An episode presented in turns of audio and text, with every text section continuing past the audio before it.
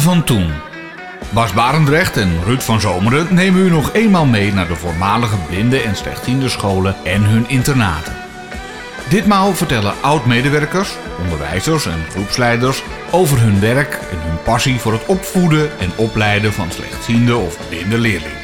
Luister het komende uur naar hun verhalen van toen.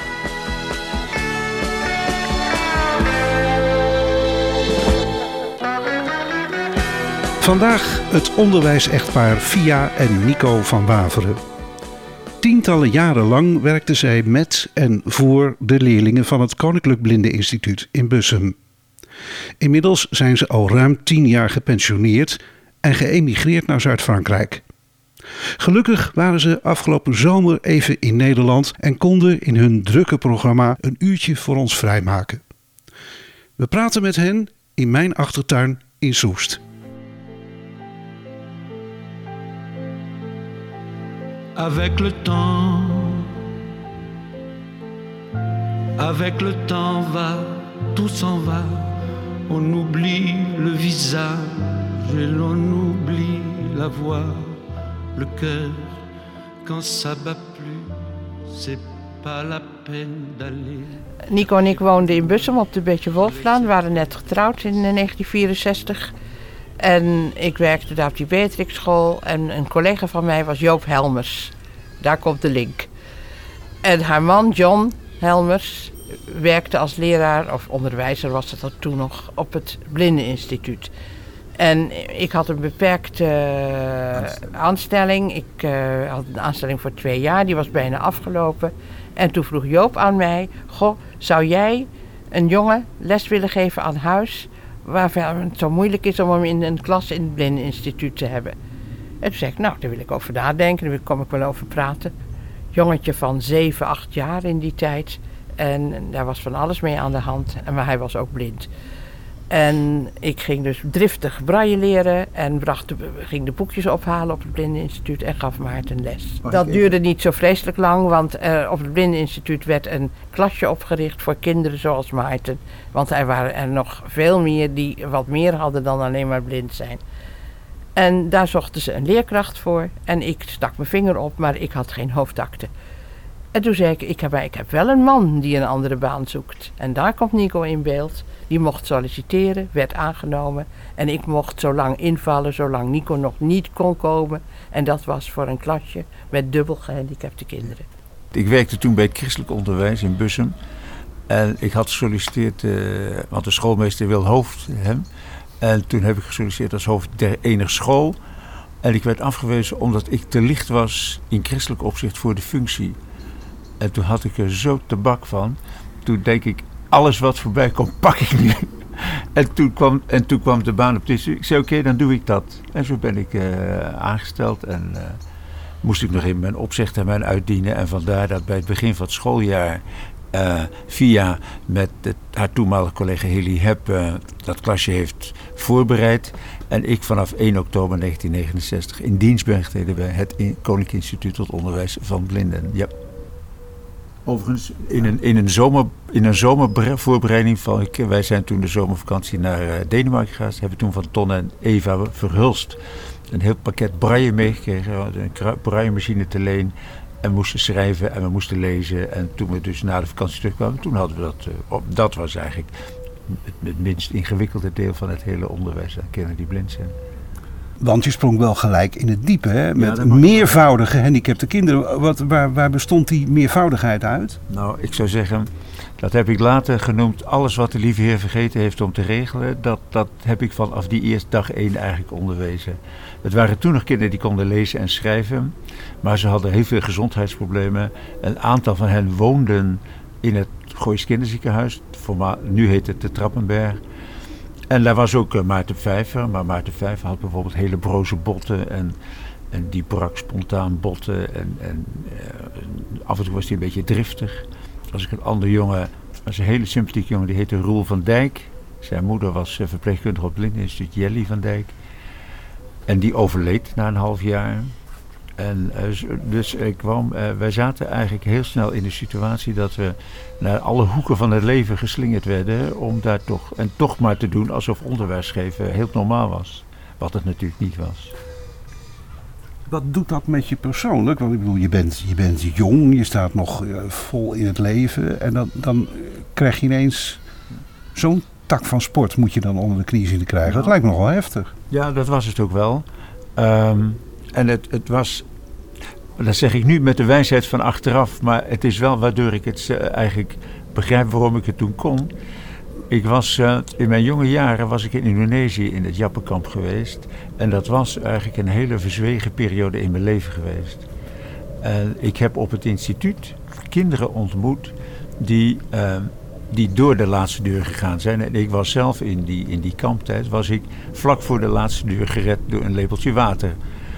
En het, het, het onderwijs en het omgaan met die kinderen heeft mij uh, eigenlijk uh, ontdekt en laten ontdekken van waar ik zelf geweest ben. En het was in zekere zin een soort bekend terrein waarop ik ge, ge, ge, gedwaald heb.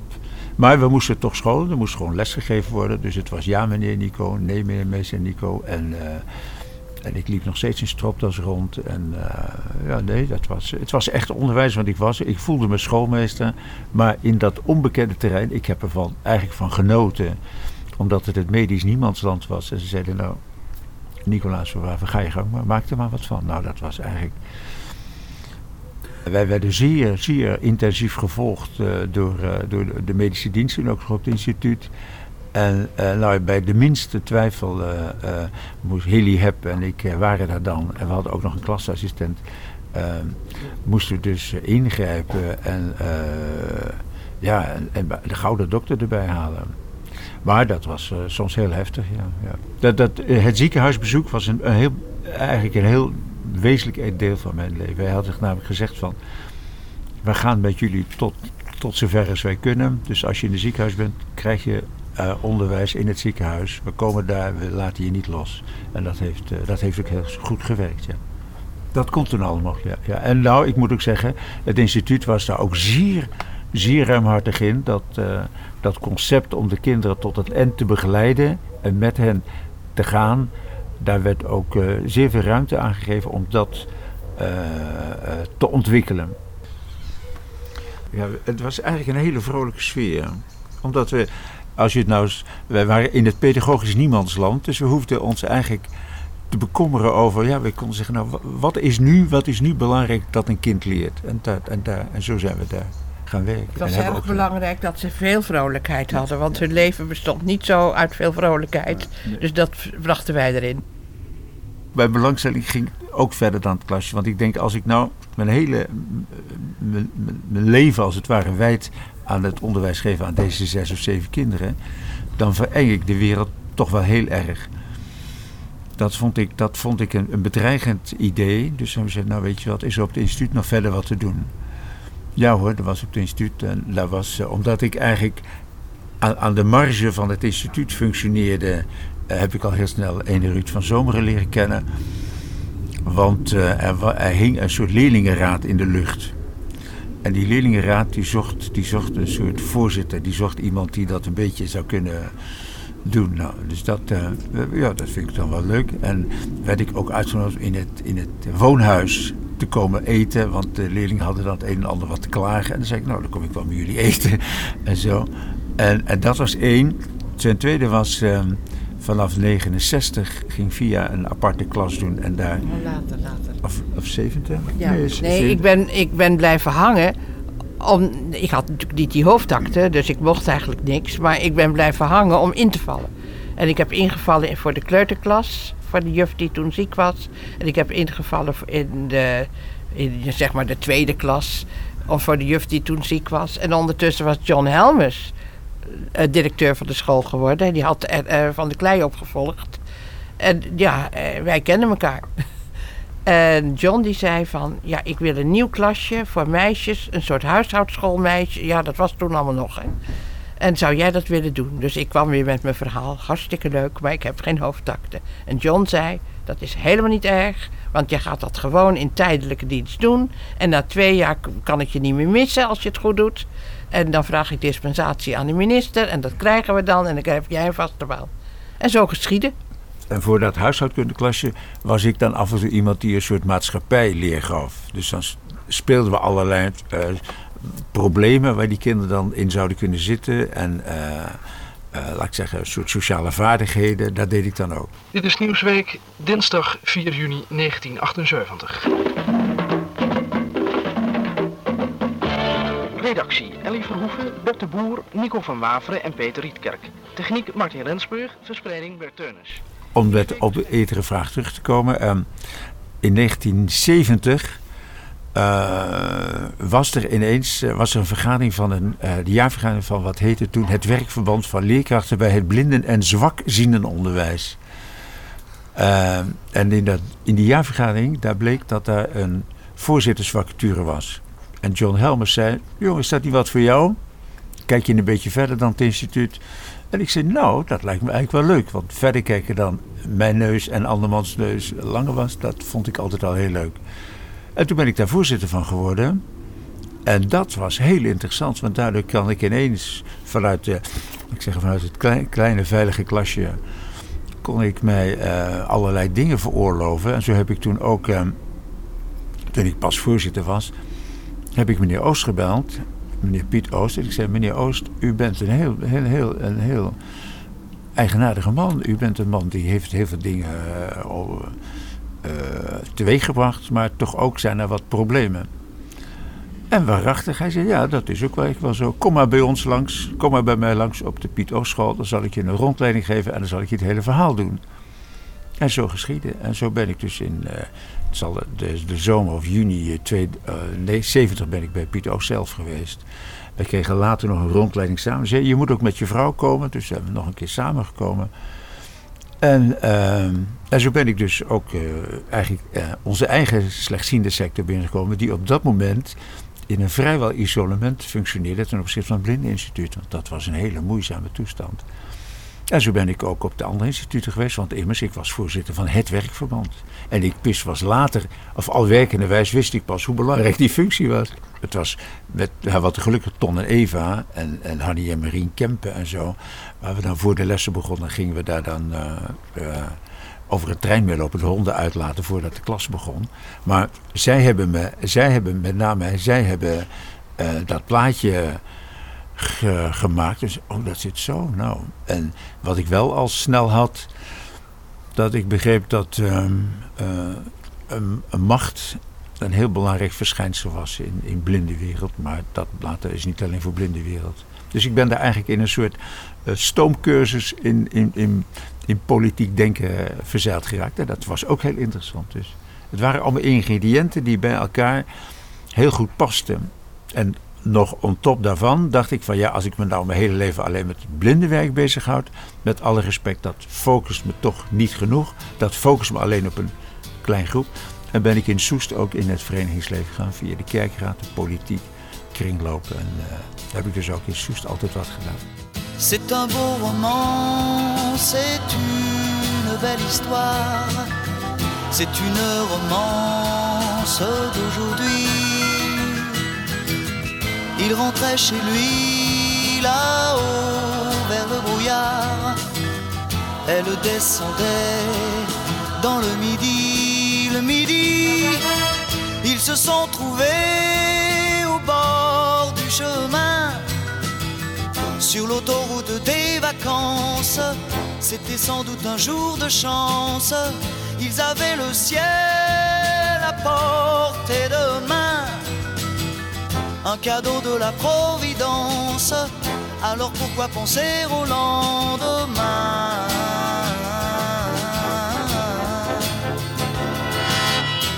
Ils se sont cachés dans un grand champ de blé, se laissant porter. Huishoudkunde. Ja, Ruud. Huishoudkunde.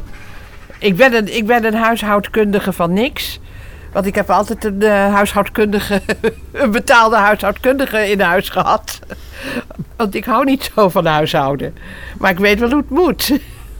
En, eh, en omdat, ik, we erg veel, wat je al gehoord hebt, met Ton en Even omgingen in die tijd, kon ik van Even een heleboel leren. Van hoe, want dat was een echte huishoudkundige en die kon ook goed koken. En zij was ook de kookjuf op het instituut. Dus ik kon van haar een heleboel dingen leren hoe bepaalde dingen aangepakt moesten worden. En dat, eh, nou, dat heb, ik, heb ik dus veel van haar geleerd.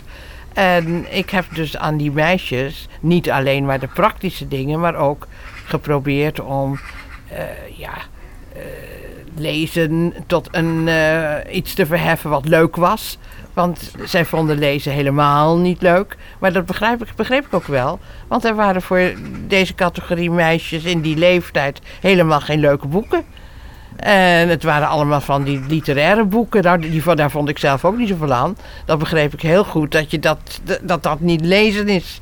Dus ik ben naar de boekhandel gegaan. Ik heb gekeken wat voor leuke boekjes voor teenagers, want zo heten die mensen in die tijd, beschikbaar waren. En ik zag een hele serie, en die serie weet ik nog heel goed. Dat was de serie over zuster Britta. Nou, leerlingen die, dit, die nog dit horen, die zullen zeggen, oh ja! En ik heb de hele serie gekocht en ik bracht ze naar de drukkerij, want bij het instituut was een eigen drukkerij. Maar de dames en heren van de drukkerij zeiden, nee, dat gaan we niet brailleren. Dus ik met de toenmalige chef gezegd van, ja, dat spijt me nou vreselijk, maar ik heb het erg nodig voor mijn lessen. Nou, hoe die het gedaan heeft, weet ik niet, maar de boeken kwamen in heel vele banden. Dus ik heb er nog een extra kast voor moeten aanschaffen om al die banden neer te kunnen zetten. En dat sloeg zo in dat zelfs de MAVO-meisjes kwamen vragen of ze de zuster Britta-boeken mochten komen lezen. Toen zei ik nee. Eerst de meisjes voor wie ik het heb laten doen. En als die ze allemaal uit hebben, dan zijn jullie aan de beurt. Nou, ik denk dat ze stuk gelezen zijn. Ze zullen wel niet meer bestaan. En, en, ja, dat, en dat betekende dat ze meisjes ineens van lezen gingen houden. En toen zei ik, maar er zijn ook nog andere boeken. En toen zijn we voorzichtig begonnen met de. Want wij, hadden lessen via de IVO uit Lelystad. Dat was eigenlijk een soort huisonderwijs. Maar die lessen kon je ook gebruiken voor, eh, voor allerlei andere dingen. Dus dat werd gebrailleerd of dat werd op band gezet. En daar was ook een literatuuronderwerp bij. Daar kon je examen in doen. En dat, daar hoefde je maar eenvoudige literaire boeken voor te lezen. Zoals ook de boekjes van Carmichelt waren daarvoor geschikt. En de boekjes van Bomans waren daarvoor geschikt. En eh, zo langzamerhand, en de boekjes van Margot Minko, die dat toch weer een ander niveau hadden. En zo langzamerhand begon iedereen dat toch in te zien dat dat ook heel aardig was.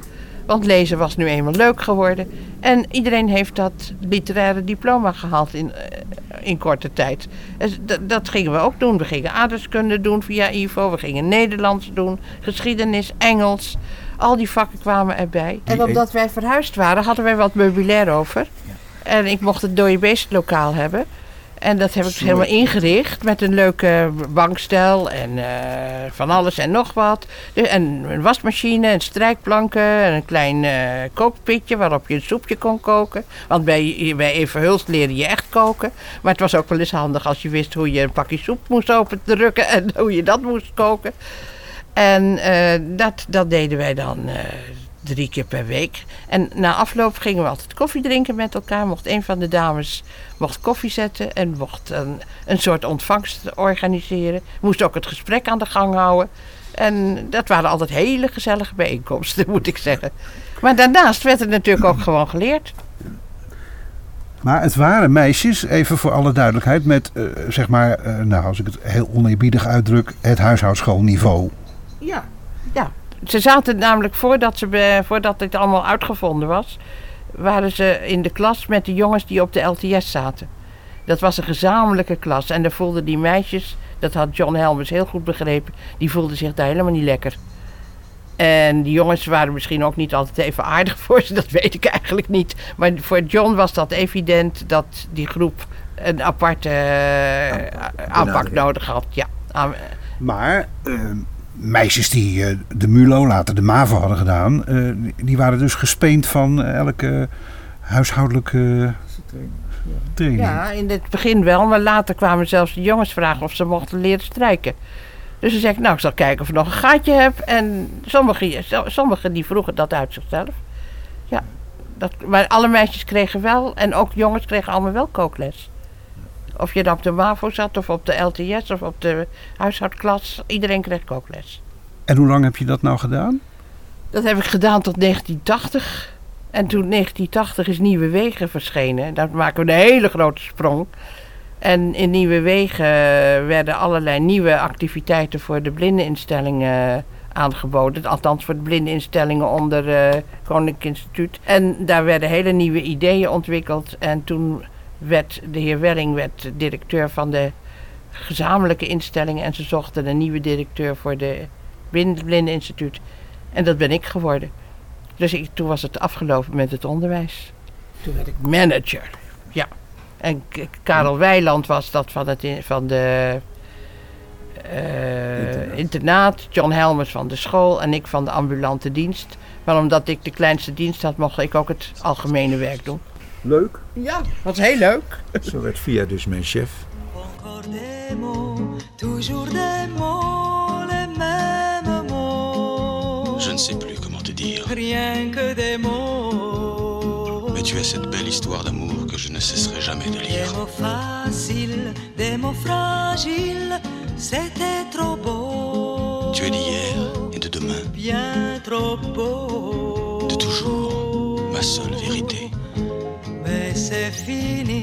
Le temps des rêves. Les souvenirs se fanent aussi quand on les oublie. Tu es comme le vent qui fait chanter le violon et emporte au loin le parfum des roses. Caramel, bonbon et chocolat. Par moments, je ne te comprends pas. Merci pas pour moi, mais tu peux bien les offrir à une autre qui aime le vent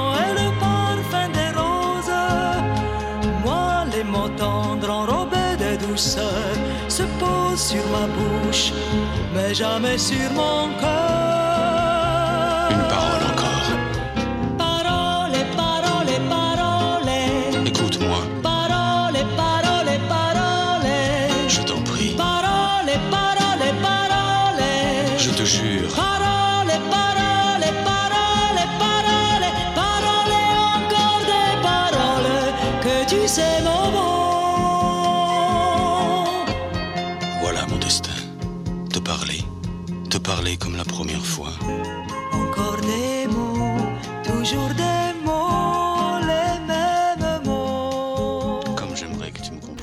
Thuis zeiden we altijd, na tien uur s'avonds sluiten we de winkel en dan zijn we weer gewoon echtpaar. Dus uh, er werd natuurlijk veel gesproken, want uh, ondertussen... Turbulente tijden. Het waren hele turbulente tijden, want uh, in die vernieuwingsproces wat in, in, gang gezet is, zo 1978 zo'n beetje, was ik in de, in de voorhoede terechtgekomen in verband met de ambulante onderwijskundige begeleiding. We noemden dat toen visiting teaching. En um, reisde ik dus veel door het land. Want ik zei, ik, uh, ik wil met de trein reizen, omdat dat ook het transport is van, van, de, van de leerlingen. En ik had een, uh, een, een, kaart, een hele jaarkaart, dus ik kon overal naartoe. Ik kwam dus ook s'avonds laat thuis. En dan uh, nou, zaten we thuis en dan uitwisselen. Maar vanaf tien uur, dan ging het over, over gewone zaken. Van welke boodschappen doen we morgen en al dat soort dingen meer. En dat werkte heel leuk. Dus de mensen van die tijd dat Via toen onze manager was, die mensen ontmoeten elkaar nog steeds af en toe. En dat is heel leuk. Dat noemen we ook ons Golden Team. En dat heeft ook het instituut een geweldige boost gegeven. Een geweldige uh, opwaartse uh, kracht gegeven. Omdat we dat concept van die totale begeleiding thuis uh, dat hebben wij toen daar eigenlijk in die periode handen en voeten kunnen geven en een structuur kunnen geven. En ik weet niet eigenlijk hoe het nu gaat. Ik heb het idee dat het concept nog wel heeft, maar dat de invulling toch heel anders is. De grote omslag, uh, zowel persoonlijk als, uh, als in, in, in, mijn loopbaan, werkzaamheden, kwam eigenlijk na die, in die periode van 77, 78 want het instituut werd toen begeleid door een instelling die heette het Nederlands Pedagogisch Instituut. En die hadden twee groepen ingesteld. En die hadden ze gezegd van jongens, wat willen jullie? En vooral, hoe willen jullie dat doen? Dus de visiegroep, en daar zat via in, zat van wat willen we? En Ik zat in de procesgroep van hoe gaan we dat doen. Ondertussen waren we, eh, want die vernieuwing kan je natuurlijk nooit in zo'n, met zo'n proces, uh, je kunt het hooguit vorm een beetje begeleiden, maar er was een nieuwe, iets heel nieuws aan het opkomen in Nederland. Er waren een groepje van vijf ouders van kinderen die blind zijn. En die hadden de instituten langs gegaan om te zeggen: wij willen onze kinderen niet meer op de school voor blinde kinderen. Wij willen onze kinderen zo snel mogelijk en volledig in het gewone lager onderwijs laten participeren. De woordvoerder van die groep was, was een stel, meneer voor IJsselin. En het project heette, het groep werd genoemd, het project IJsselin. Dat vond ik niet goed. Een project, met alle respect, heet naar een zaak en niet naar de mensen. En toen heb ik bedacht, ja, waar gaat het om? Het gaat om integratie in het gewoon lager onderwijs. En zo ontstond het woord IGLO, het befaamde IGLO-project. Dat stond symbolisch voor de ontdooiing van onze starre structuur van blinden in het onderwijs. En, en de opening naar, uh, naar het gewone onderwijs. Hoe we dat moesten doen, was eigenlijk volstrekt onbekend. Het enige was, die ouders zeiden: wij willen per se dat de deskundigen nadenken over hoe ze dat zouden kunnen doen. En omdat uiteindelijk ons instituut het enige was wat met die ouders wilde meegaan. Want je moet indenken, dat was dus het einde van het instituutsdenken. In de zin van toen wij op het instituut kwamen in 69, zaten we in de, in de nadagen van, van de golden, van de gouden jaren van het instituut. We hadden alles op het instituut. Er was een beatkelder, er was alles. Het was een compleet verzorgd leven wat je daar had. Geheel naast de gewone samenleving. De instituutsmensen waren ook de experts, die wisten het beter dan de ouders. En die zeiden ook tegen de ouders, uw kind moet naar het internaat. En ook als de ouders zeiden, kan die dan niet thuis? Nou ja, oké, dat kan dan wel. Maar bij wijze van spreken, dat is dan wel voor u verantwoording. Daar kunnen we, niet, uh, kunnen we bijna niet voor instaan. Hè? Onze disgenoot zal zijn ouders daar ook wel nog van weten. Dus iedereen die van dat expertstramien, van het institutionele blokdenken af wilde, die werd... Um, toch door dezelfde experts met de nodige scepsis, zo niet wantrouwen bekeken. Maar ons instituut zei, wij gaan uiteindelijk met jullie mee en hebben dus dat, dat project mochten wij dan uitvoeren. En dat zou dan dus gaan om onderwijskundig begeleiding. De kinderen zouden op het instituut komen of in het gespecialiseerde speciaal onderwijs om de basisvaardigheid van lezen en schrijven te leren. En dan zouden ze in een school ter plaatse worden ingelijfd. Ik heb het grote genoegen gehad om de eerste ambulant onderwijskundig begeleider van Nederland te zijn. In fulltime. Tom Verhulst deed dat al voor de, voor de leerling op het Vitus College. Die deed dat in een soort parttime functie. Maar ik werd fulltime vrijgesteld om dat te doen. En dus werd ik geacht naar scholen te gaan.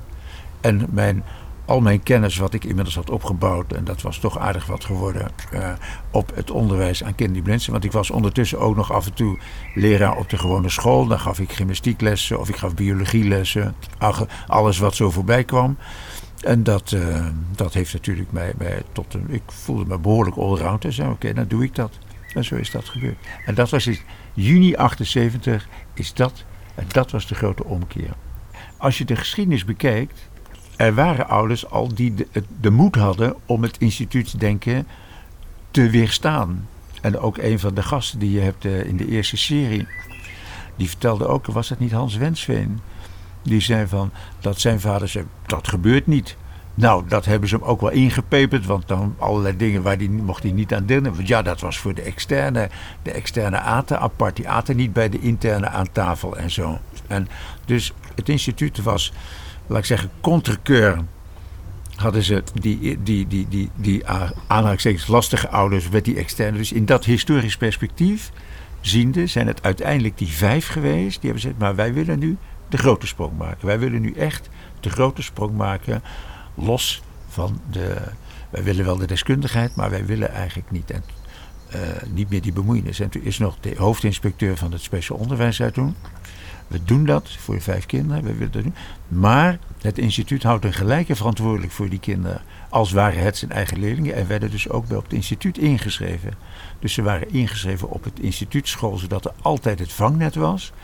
En ze waren ingeschreven op hun eigen school ter plaatse. Maar het waren vijf mensen die uit dat laatste stuk. Dat was ook heel zwaar om te doen. Dat hebben ze dus met z'n vijven gedaan, ja. Ouders kunnen dat willen, een instituut kan daarin meegaan.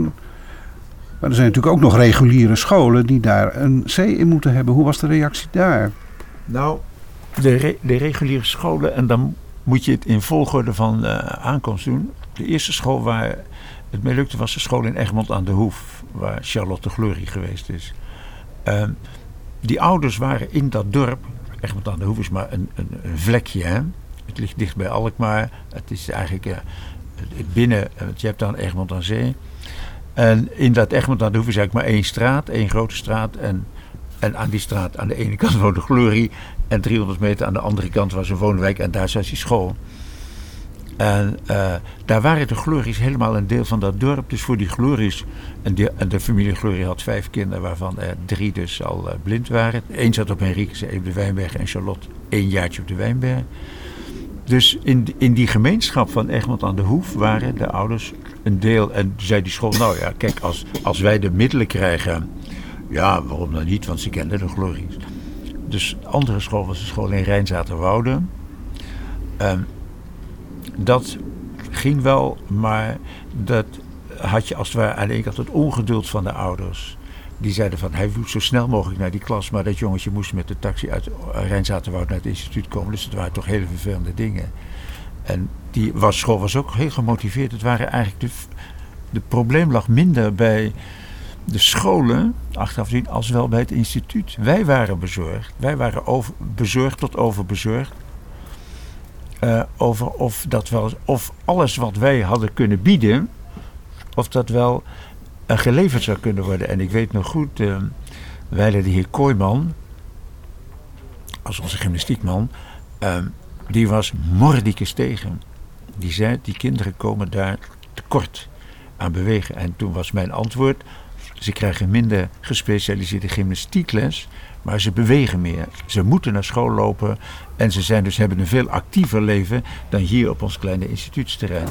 En nou ja, dat was het enige, het, was het, tegengewicht. Dus ja, als je dat vindt. En ik vond het ook. Ik werd ook op het instituut er door de collega's bijna uh, meewarig op aangekeken. Dat ik degene was die dat reizende werk wilde doen. Want ja, dat kon toch eigenlijk niks worden. Dat kon eigenlijk niks worden in de ogen van, van. En het was oprechte bezorgdheid. Die, en de tijd zal leren eigenlijk. We zitten nu in de tijd dat we als het ware gaan oogsten. Omdat nu degene zijn, de, de iglo-leerlingen om het maar zo te zeggen. En al die anderen kunnen nu terugkijken. En ook kijken in hun maatschappelijk functioneren. Het interessante was dat uh, we hadden dus een uh, als het ware het, hele grote probleem moest je terugbrengen tot wat kan je daar nou vandaag aan doen in termen van voorbereiding. Dus ik uh, volgde de kinderen en zei: slapen jullie goed? Eet, eet jullie nog goed? En ben je af en toe erg bang? En als dat was, dan zei ik, dan, moet, dan, dan, dan begon een rode licht te branden. Maar de kinderen hadden het op de scholen op zichzelf genomen. En in die klassen, ze werden intellectueel bijvoorbeeld veel meer uitgedaagd dan op het instituut. Ze hadden met klasgenoten te maken, ze hadden veel meer met echte vriendinnetjes te maken. Uh, natuurlijk, sommige kinderen waren, uh, omdat ze als kind in de groep niet goed lagen, werd dat soms per rooster toegedeeld. Vandaag doet Henkie jou, vandaag doet Marieke jou. En dat waren natuurlijk hele ongewenste situaties daar waren, we hadden ook de tijd, er werd heel veel tijd gespendeerd. Er was ook beschikbaar. Wekelijks bezochten we de scholen. En er was nog tijd om soms een keertje extra te komen om te praten met deze en gene. We moesten dus heel goed zorgen dat de kinderen in hun persoonlijkheid benaderd werden of ze aardig waren of niet aardig. En sommige kinderen zijn wat aardiger dan de anderen, sommige kinderen zijn wat handiger dan de anderen, ze wat laconieker. En uh, dat, dat kwam heel snel, dat kwam als het ware sneller aan bod dan wanneer ze op de instituutscholen geweest waren. Ik heb er, uh, laat ik zeggen, zelfs achteraf. Uh, kan, ik, ik heb er nooit, nooit over geslapen. Ik, goh, ik ben met een immorele zaak bezig. De kinderen kregen gymnastiekles. Nou, op de gymnastiekles, ja, die kinderen van de 7, 11, 12, die leren een trefbal en al die bal spelen. En dan was ik er altijd. Ik ben, regelde mijn tijden dat ik altijd was tijdens gymnastiek, zodat ik een alternatief programma met die kinderen kon doen. En wat was eigenlijk de meest geëigende activiteit? Je gelooft het niet, dat was, ik heb kinderen leren touwtjes springen. Want ik had in een Amerikaans tijdschrift gelezen dat in China, eh, waar, waar natuurlijk, daar moeten ook eh, miljoenen kinderen zijn, daar werden die kinderen, en die leerden touwtjes springen. Blijkt een van de meest volmaakte en meest eh, ingewikkelde bewegingen te zijn die je kunt doen. Je doet ze op de plaats en, en je leert je lichaam te ontdekken en je, gebruikt alle delen van je lichaam. En dat ging ik dus met hun. Ging ik naar buiten of naar binnen. En ze vonden het niet altijd leuk. Maar zeg ik nou oké. Of allerlei dingen van... om, om die lichamelijke ontwikkeling en die, die, dat soort dingen, dat toch te doen. Ehm, het werd natuurlijk nooit hetzelfde als op het instituut. En toen hebben we ook na verloop van tijd zeiden we, we moeten eens dagen organiseren op het instituut. Dat deden we ook, de terugkomdagen heette dat dan. Dus nou gaan we even nu op onze eigen terrein de tandjes op de i zetten. Zodat we uh, even precies dingen kunnen oefenen. Iemand zei, uh, ging met aardeskunde, ja, dat boek was er niet. Of uh, werd natuurlijk de boekenvoorziening was aanvankelijk in eigen beheer. Maar dat werd dus steeds dat werd gestopt op het instituut. Dus we werden afhankelijk van SVB, ja, studie- en vakbibliotheek. En die boeken moesten dus op tijd worden aangeleverd. Sommige boeken waren niet, sommige boeken waren anders gelayout. En dan, dankzij het, uh, het wekelijks bezoek op die school, kregen we dus ook die, die onderwijsgevende. We kregen dus ook een goede vertrouwensband. En konden dus steeds eigenlijk een oplossing vinden. IGLO omvatte vijf kinderen. En in Iglo zie je het hele, de hele spectrum van zorg. Want één kind is in het specifieke speciaal onderwijs gebleven. Eén is naar een andere vorm van speciaal onderwijs gegaan. En drie zijn naar, naar het basisonderwijs gegaan. Ze zijn, naar mijn idee, is het hele project geslaagd. Omdat je in het project niet op exclusiviteit moet gaan doen. Daar val je eruit. Maar wat, wat is de range van opvangmogelijkheden? Ja, er moet nog onderwijs zijn voor kinderen die blind en slechtziend zijn. Er moet in het speciaal onderwijs, speciaal onderwijs moet blijven. En er moeten aanpassingen zijn, zodat ook andere kinderen daarbij zijn. Binnen de sector van dat speciaal. En binnen het gewoon onderwijs is het voor die scholen, achteraf gezien, een hele plezierige ervaring geweest om een andere dimensie aan hun onderwijs toe te voegen. Zonder dat die kinderen die daarbij zaten. Ehm, als het ware daar als showcases, als, als, uh, als showkinderen bij zaten. Die waren medeleerling met de andere medeleerlingen. Van Charlotte Glory heb ik een foto. Ieder jaar kwam de schoolfotograaf. En daar staat zij ook op. En uh, ik vraagde wel eens mensen: wie was zij? Zeg mij het meisje wat blind is.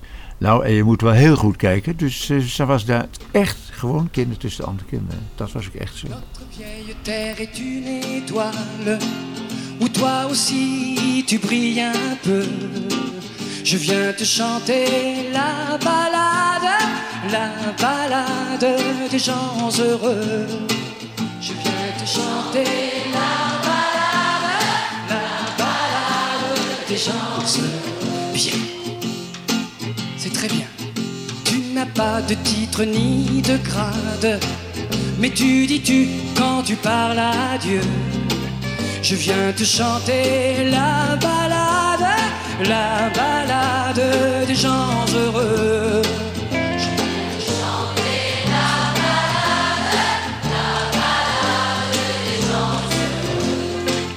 Journaliste pour ta première page, tu peux écrire tout ce que tu veux.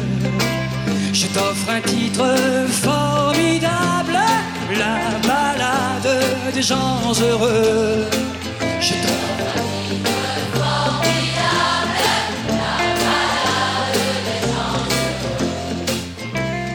We hadden een leerling die had heimwee, die kwam uit uh, Maastricht. En die was van heimwee bijna dood gegaan in het noorden. Die had bij de Trappenberg en die had al zijn eten had hij binnengehouden. Dus die plofte. Die moest met spoed naar Maastricht worden afgevoerd. En toen zat hij in Maastricht. En toen zeiden ze, nou hij is nu weer goed. Hij kan weer terug naar eh, Holland. Ik zei, nou dat moesten we maar niet doen hè. Waar moet hij dan? Ik zei, nou er is één plek waar hij kan zijn en daar ga ik vanmiddag naartoe. Dus hij blijft in het ziekenhuis. En al die dokters zeiden, ja meneer Van Waver, dat moest hij maar doen. Dus u gaat maar vanmiddag naar dat, uh, dat was Franciscus, dat was een Mithielschool. En bij die Mithielschool kwam ik binnen en toen zei die directeur, die zei, nou meneer Van Waver, dat kunt u wel willen, maar dat doen wij niet. Ik zei, nou dat is dan jammer. Maar misschien is er wel een tussenweg. Onder wat voor condities zou u het wel doen? Wat heeft u dan te bieden? Ik zei, nou, ik geef u het, het, meest intensieve bod. Ik kom iedere week. Iedere week krijgt u bezoek van ons. Dat doe je niet. Ik zei, nou, ik moet jij opletten. Toen ben ik dus drie maanden lang, iedere maand, iedere maandagmiddag, om 12 uur oh, s ochtends op school, om 12 uur hup met de trein naar het zuiden, de hond mee. En dan uh, kwam ik s'nachts om 12 uur thuis. En de volgende dag om half negen weer op school. Drie maanden gedaan achter elkaar. Dus zeiden ze, nou Nicolaas, we weten het nu wel, het gaat goed. En zo is het ook gegaan. Het instituut heeft daar geweldig veel eigen middelen ook ingestoken om het project niet op het, op het, het lullige argument van de centrum te zeggen, dat hebben we geen geld voor. Het instituut was rijk en is rijk natuurlijk. Hè. Uh, dat, uh, dat, heeft, dat hebben ze dus ook genereus ingezet. En dat is allemaal goed, heel goed terechtgekomen, vind ik. Dus dat deden we ook wel. Dus eigenlijk kon alles doen. Dus we waren jong. Ik was 40 jaren. Nou, dat zijn de beste jaren. Dus kon, ik kon eigenlijk alles. Het concept van integratie is een concept waarin je aan één kant meedoet met de anderen. Met, zeker in sociaal opzicht. Aan de andere kant, als kind met een visuele beperking, heb je recht op onderwijs in die vakken, in die activiteiten, die nou eenmaal het rechtstreeks gevolg zijn van die beperking. Als je dat ontkent, en dat, ik weet bijna zeker dat dat gebeurd is, als je dat ontkent, dan ben je slecht bezig. En als je dus op dat aanvullende programma, als je daarop gaat reduceren, dan ben je op een heel gevaarlijk pad. Je deed toch ook stoklooples? Ik gaf uiteindelijk ook stoklooples. Werd ik ook in die mobiliteitssfeer kwam ik.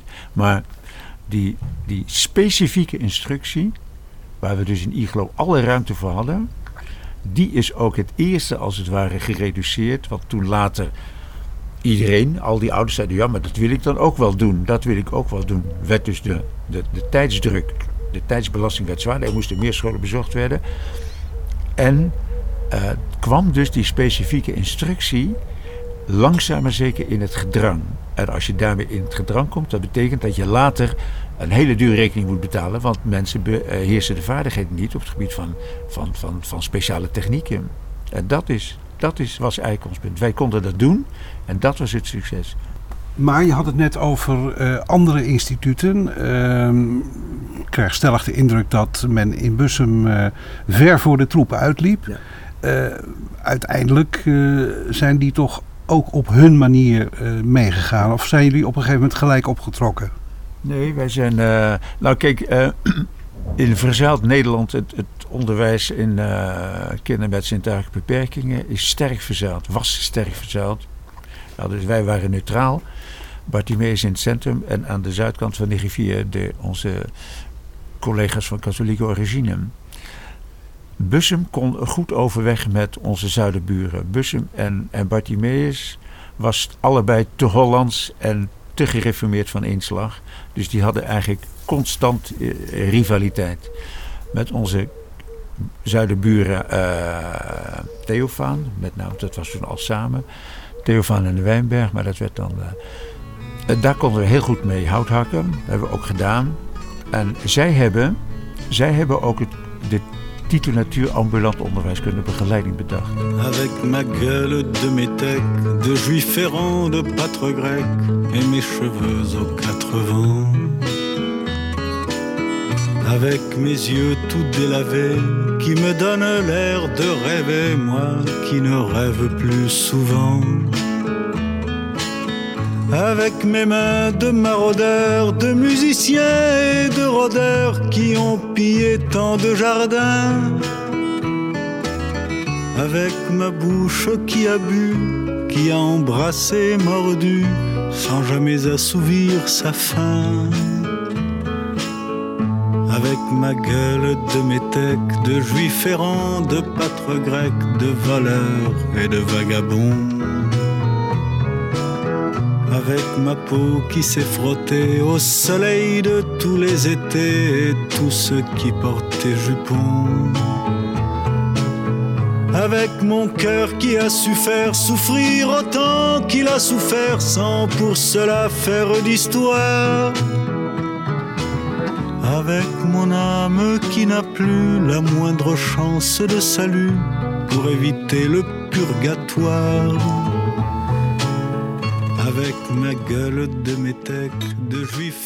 Wij wonen nu in Zuid-Frankrijk, dat ligt, Frans ligt dicht bij Nice. Uh, als ik daar iemand zie met een witte stok, dan kan ik dat niet niet zien. Er was laatst een meneer en die liep, die liep wat te pielen, die liep wat te zoeken. Hij liep heel langzaam, hij liep ook heel slecht. Zijn lichaamshouding was heel slecht. Ik kan dat niet. En toen ben ik even naartoe gegaan. Ik zei, want hij, ik wist niet zeker of hij een bord zou ontwijken. Dat, hij liep heel aarzelend. En toen heb ik me voorgesteld, hij was heel verbaasd dat hij, uh, mijn accent, ik spreek wel goed Frans, maar ik heb toch een uh, duidelijk accent. En wat ik had gedaan, nou, even een beetje gepraat. Dus ik, ik volg nog steeds, als ik, eh, er was een keer een, iets, een evenement. En ik zag een meisje heel, met een hele mooie stoklooptechniek zag ik weglopen. En toen sprak ik met iemand over een heel belangrijk onderwerp. Ik zei, ik moet even onderbreken. Ik ren even naar de meisje, want ik wil die ouders complimenteren dat ze dat zo goed doen. Nou, dus ik rende naartoe. Ik zeg wie ik ben. Oh, oh, oh. Ja, nou, die mensen denken, we krijgen nou wat. Komt zo, zo vreemdeling op ons af. Maar dus om daar weer aan te geven dat het me steeds na aan het hart ligt.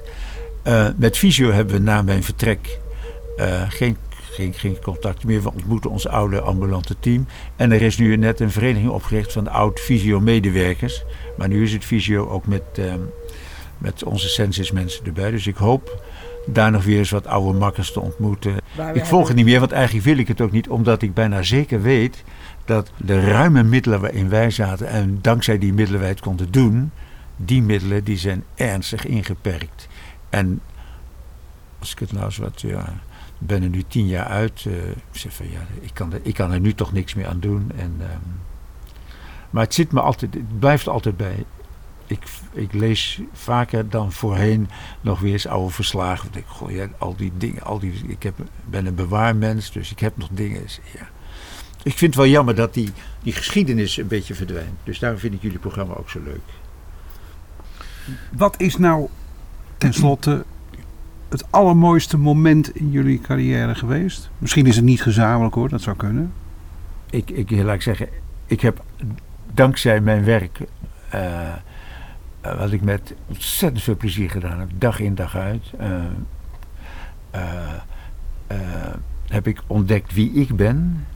Dat is een soort cadeau wat ik heb gekregen van mijn werk.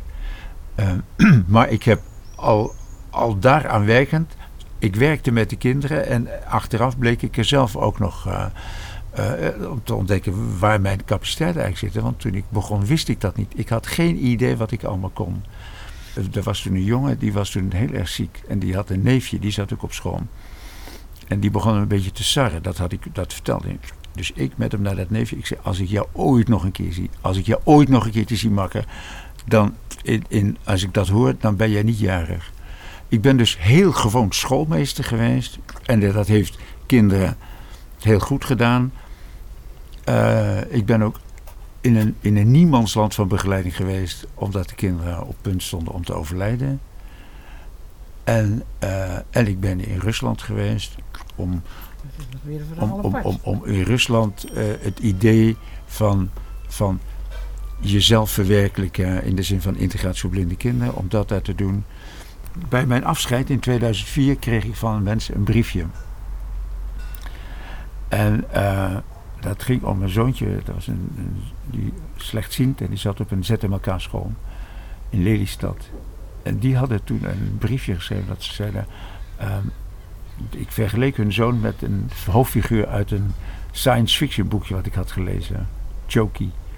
En ik zei, uw zoontje iedereen denkt wel dat hij wat bijzonder is, maar hij is ook heel bijzonder, want hij, hij, hij heeft een manier van reageren die mij doet denken. Dus ik heb dat aan die ouders verteld en die vonden dat eigenlijk leuk, omdat ze een, een bijna poëtisch perspectief op hun ernstig beperkt kind hebben uh, uh, gekregen. En daar ben ik blij, want ze zei, dat, wat is dat? Want daarin ben je dus heel bijzonder geweest. Er is nog één ander ding. Waar, ik heb dus gewerkt, ook in het eind van mijn loopbaan was ik... Um, ook voor algemene, dus metielscholen, alles, alle, scholen, alle soorten scholen heb ik wel bezocht.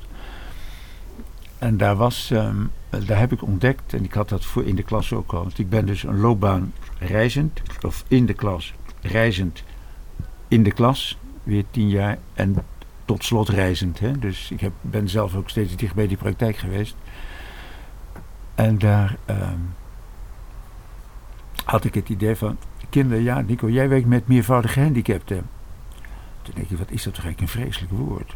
Stel je nou eens voor, stel je nou eens voor, want en, een meervoud, als je dat uitdrukt in IQ-punten, dan krijg je ehm, ja, 30 punten minder, noemen wij al. Nou, dan zit je al 100, met, dan zit je op 70, 60. Nou, dat ziet er niet best uit. Denk, stel nou eens voor de verjaardag van Albert Einstein en zijn broers. Die zitten natuurlijk allemaal dik in de 200. Dus en die gaan over mij praten en die zegt Albert, zal ik je nou eens wat vertellen tegen zijn broer of tegen iemand anders? Ik heb laatst nog een leuk gozertje ontmoet, een man. Hij doet verder niemand kwaad hoor. Maar ja, stakkertje, die kan maar 100, die zit 110 of zo. Dat is bij die, en, die, en die doet dan allerlei dingen. De jongen doet geen vliegkwaad, maar het stelt eigenlijk verder weinig voor. Hij is een ernstig handicapt kind. Wil ik zo? Tuurlijk niet, zo wil ik niet over mijzelf denken. Plus het feit dat als je het woord handicap gebruikt, dan is er ook, de, de psychologen zeggen, je moet leren leven met een handicap. Oké, ik leer leven met één handicap. Staat er, god beter, een deskundige klaar die zegt, maar jij bent nog niet klaar, want ik heb nog meer voor jou. Ben jij nou tot laatste. Dus heb ik gezegd, het gaat er niet om wat je meervoudige handicap bent, het gaat erom wat je kunt. Dus deelbegaafd. Zeg maar wat je kunt. En dat was een, open, een, een eye-opener voor menig een die ik na die ontvondst bedacht heb. Ik, ik bezocht schoollessen. Zeg wat ze kunnen.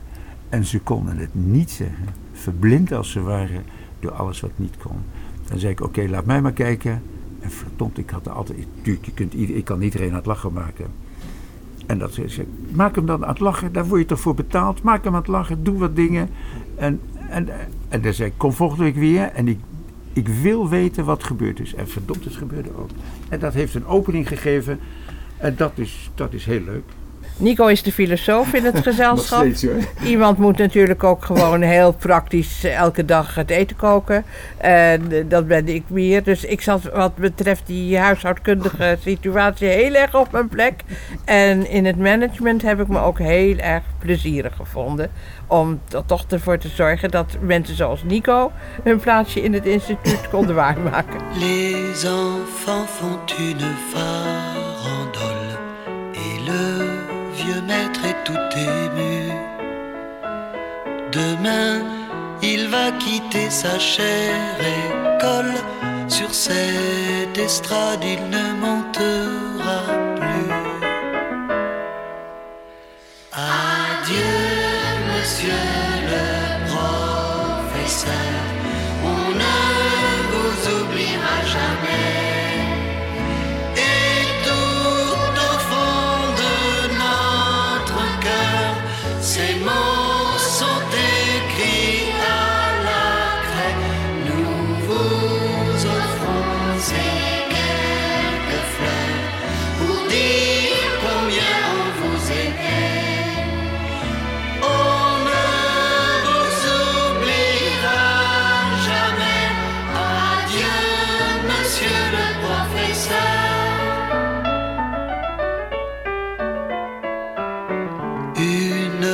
Larme est tombée sur sa main. Seul dans la classe, il s'est assis. Il en a vu défiler des gamins qu'il a aimés tout au long de sa vie. Adieu, monsieur t'oubliera jamais.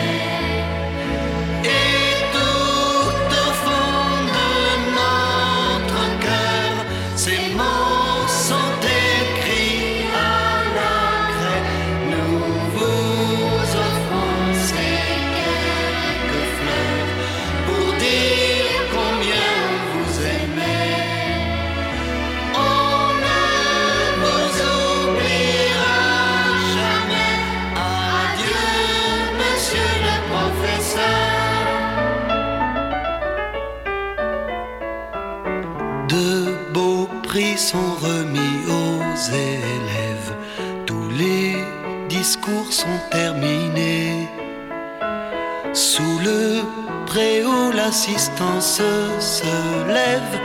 Une dernière fois, les enfants vont chanter.